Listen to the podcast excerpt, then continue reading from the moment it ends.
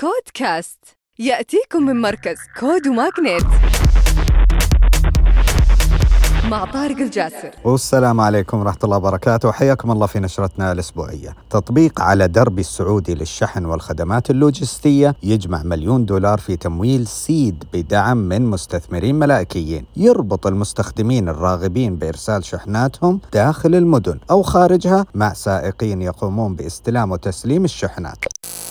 أما منصة زيو المصرية للتجارة الإلكترونية يجمعون تمويل 630 ألف دولار من Plug and Play يقدمون خدماتهم مع التجار في قطاعات مختلفة منها الخدمات اللوجستية البقالة المطاعم الصيدلة وغيرها.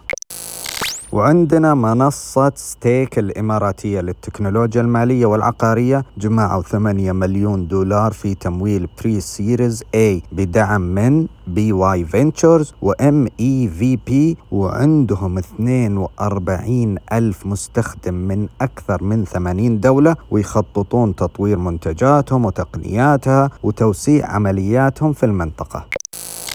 أما من ناحية الطاقة المتجددة شركة كرم سولار المصرية للحلول في الطاقة الشمسية جمعت 80 مليون دولار في جولة تمويلية جديدة بدعم من Synergy Consulting الأمريكية. يهدفون أنهم يتوسعون في سوق الطاقة الشمسية الخاص في مصر وتقديم هذه الحلول المتكاملة في كل من القطاعات الصناعية الزراعية التجارية والسياحية. وآخر شيء تطبيق مستر مندوب السعودي ينجح في إغلاق جولة تمويلية ثانية له على منصة إمكان العربية للتمويل الجماعي خلال ساعة واحدة فقط بمشاركة 173 مساهم. يوفر التطبيق تجربة توصيل فريدة من نوعها، تتضمن أكثر من ست خدمات متنوعة وتناسب جميع احتياجات المستخدمين بالمملكة.